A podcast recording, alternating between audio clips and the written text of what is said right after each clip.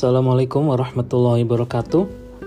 Ketemu lagi bareng saya Boris Hasian di podcast Belajar UX Gak kerasa ini udah episode yang ke-50 Banyak juga ya. Walaupun masih belum disiplin buat bikin podcast uh, Sekarang dicoba untuk Dipaksa sih bukan dicoba Dipaksa buat uh, Tiap kali pikiran ada sesuatu Atau ada yang tanya tentang topik tertentu Langsung dijawab di podcast uh, di episode ke-50 ini ada pertanyaan. Kemarin ada yang tanya tentang uh, flow dari tim UX dan PM. Dari user experience, dari tim design dan tim product manager biar lebih optimal kerjanya. Uh, jawaban saya sih langsung bilang pakai design sprint. Tapi kalau kita bicara design sprint itu cuma bagian kecil aja ya dari flow product development. Jadi kalau kita desain sprint itu goalnya kan dari desain sprint itu kita punya prototype atau konsep yang uh, dari masalah yang kita ingin pecahkan, kemudian divalidasi dengan user. Nah, sebelum masuk desain sprint itu ada proses biasanya ada proses uh, menentukan tujuan dulu menentukan uh, prioritas dari perusahaan. Ini topiknya mungkin bisa dibahas lebih jauh lagi, tapi kalau kita lihat uh, salah satu model yang uh, banyak juga digunakan, uh, dipopulerkannya dari Google juga sama. Selain desain sprint itu pakai uh, OKR, Objective and Key Results. Itu biasanya dia menentukan fokus dari perusahaan Nah dari udah nentuin perusahaan nih, udah menentukan di uh, fokus dari perusahaan misalnya buat 6 atau 12 bulan ke depan, biasanya 6 bulan gitu ya. Terutama kalau sekarang zaman sekarang kan marketnya berubah cepat, usernya juga kan uh, ekspektasinya berubah uh, lebih de, lebih uh, dinamis, kemudian kompetitors juga lebih cepat bergerak jadi 6 bulan.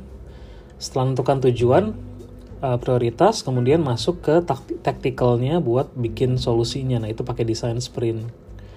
Kalau kita bicara secara umum product development itu kan kita dari ide kemudian kita build di build terus di launch kemudian kita learn. Belajar dari uh, setelah di launch itu apa aja yang apa yang works apa yang uh, doesn't works kemudian doesn't work kemudian dari yang works itu kita put more effort kemudian yang doesn't work kita cari solusi lainnya atau kita coba uh, revisit lagi dari mulai challenge-nya atau problems-nya itu jadi coba di, di atau kadang-kadang kita nggak kerjain lagi gitu. jadi yang udah nggak yang udah doesn't work yang nggak dikerjain jadi dari ide build launch learn nah design sprint itu buat me men-shortcut dari idea itu learn. Jadi nggak perlu di build atau launch kita learn. Tapi itu juga saya, uh, kayak yang saya bilang tadi itu bagian dari proses product development. Jadi kalau kita bicara proses uh, proses proses desain atau uh, proses desain dan pr proses product development yang optimal itu ya kembali lagi sih kalau karena karena desainer dan uh, basicnya di design thinking. Kalau kita bicara optimal ya yang pertama uh, harus jelas dulu masalah yang mau di solve apa. Jadi ada tahap di mana benar-benar kita memvalidasi uh, hipotesa kita tentang masalah yang kita ingin pecahkan. Benar nggak sih user masa bermasalah? Kemudian kejelasan juga clarity untuk business goalsnya. Jadi harus itu tahap yang optimal. Pertama, karena itu foundationnya gitu ya. Karena kita bikin solusi bisa seribu satu solusi, tapi kalau kita nggak solve the right problems, sama nggak satisfy uh, the actual needs dari users, ya nggak bakal uh, mengena solusinya nggak optimal jadi. Jadi dimulainya dari awal banget tentang definisi masalahnya, kemudian clarity of business goals, kemudian apa masalah atau kebutuhan user yang kita penuhi. Dari situ baru masuk ke tacticalnya desain sprintnya nah desain sprint juga kalau kita bicara prosesnya optimal itu selalu mengikutkan berbagai stakeholders jadi kalau kita bicara desain sprint saat kita sketching pun kita uh, mengundang product manager seorang bisnis engineers uh, terus kadang-kadang juga yang eksekutifnya buat ikut dalam sketching gitu ya kenapa itu uh, bisa optimal karena uh, mereka juga merasa memiliki dan ikut andil dari di awal untuk ideation. Jadi jangan, jangan sampai proses ideation ini eksklusif punya tim desain aja gitu. Kemudian setelah ideation ini prosesnya proses desain thinking yang standard ya. Dari kita define masalahnya, uh, mengerti kalau kita bicara desain sprint kan di tahap awal understand itu bukan cuma masalah users tapi kita ngerti business goals kemudian kita tahu landscape kompetitor seperti apa teknologi constraintnya seperti apa setelah itu masuk ke ideation di sini biar optimal juga seperti yang saya sebut itu stakeholders ikut dan prosesnya adalah kita uh, design thinking jadi kita diverge artinya kita mengeksplor berbagai macam possible solution sebanyak-banyaknya kemudian kita converge jadi dari ber berpuluh-puluh atau ber, mungkin beratus possible solutions kita kerucutkan menjadi solusi yang yang menurut kita uh, paling uh, paling impactful. Nah setelah itu uh, setelah kita punya konsepnya kita buat dengan cepat prototipenya. Jadi prototype ini uh, seperti produk aslinya sehingga kita bisa tes dengan users uh, secara mendekati keadaan aslinya. Kemudian kita validate dengan metode kalau dia misalnya apps uh, usability testing atau uh, website misalnya gitu ya. Jadi atau nggak uh, harus app website ya. Jadi kalaupun misalnya uh, kayak offline experience uh, in store experience bisa juga kita buat prototipenya dan kita usability testing kan intinya adalah kita pengen mencoba lihat uh, apa user bisa menggunakan layanan kita, produk kita dengan gampang untuk mencapai tujuannya. Kembali ke yang tadi, untuk bisa satisfy needs-nya. Kemudian setelah itu masuk ke dapurnya engineer.